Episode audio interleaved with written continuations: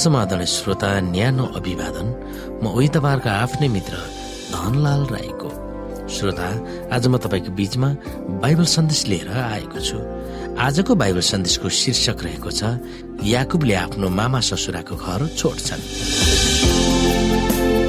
श्रोता जेठा छोराले पाउने अधिकारलाई आफ्नो बाबु र दाजुलाई याकुबले धोका दिएका थिए।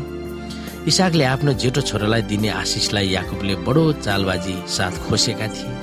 वा चोरेका थिए। जब उनी मामा ससुरा लावनको घरमा चौध वर्षसम्म घर ज्वाइँ भएर बसे तब उनी चुपचाप रहेर उनको सेवा गरेका थिए।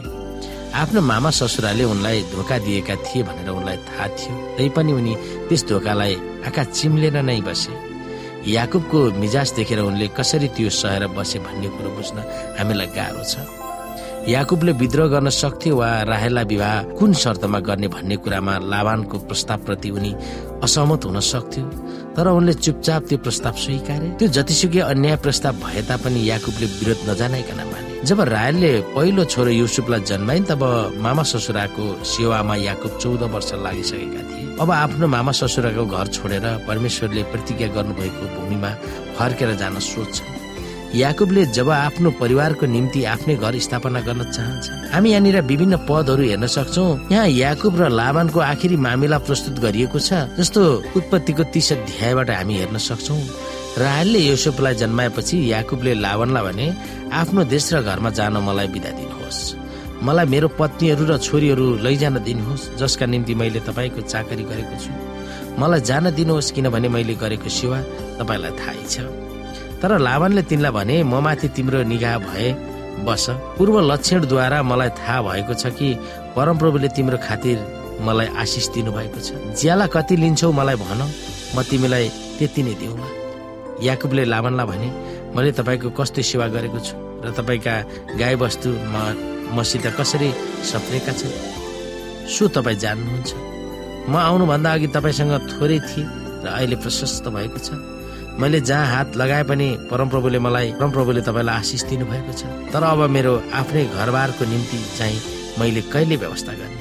उनले भने म तिमीलाई के दिउँ त? याकुबले भने तपाईँ मलाई केही नदिनुहोस्। तर यदि तपाईँले मेरो निम्ति यति एउटा कुरा गर्नुहुन्छ भने म तपाईँका बगालहरूको हेरचाह गरी चराउँदै चराउँदै रहनेछु आज तपाईँका सबै बगालबाट थोप्ले र पेटारे भेडा र कालो थुमा र बाख्राहरू मध्येबाट पनि थोप्ले र पेटारे जति छुट्याउँदै जान दिनुहोस्।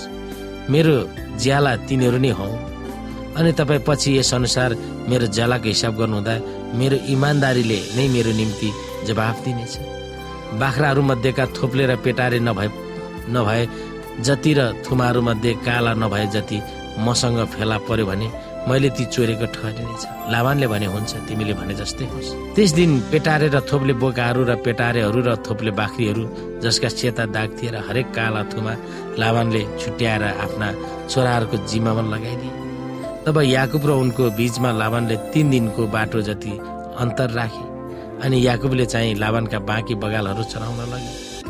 तब याकुबले लहरे पिपल हाडे बदाम र चिनारका रुखका भर्खर काटिएका हाँगाहरू लिएर तिनमा सेता सेता धर्का बनाउनलाई तिनका बोक्रा ताछे। अनि तिनले ती हाँगाहरू बगालले पानी खान आउने ठाउँमा बगालहरूका सामान्य तिनीहरूका पानी खाने डुटमा राखे। तिनीहरू पानी खान आउँदा त्यही मिसिन्थे ती बगालहरू ती हाँगाहरूका सामान्य मिसिने भएका हुनाले तिनीहरूले बच्चा पनि त्यस्तै छिर्के मिर्केर पेटाएर थोप्ले बिहाए।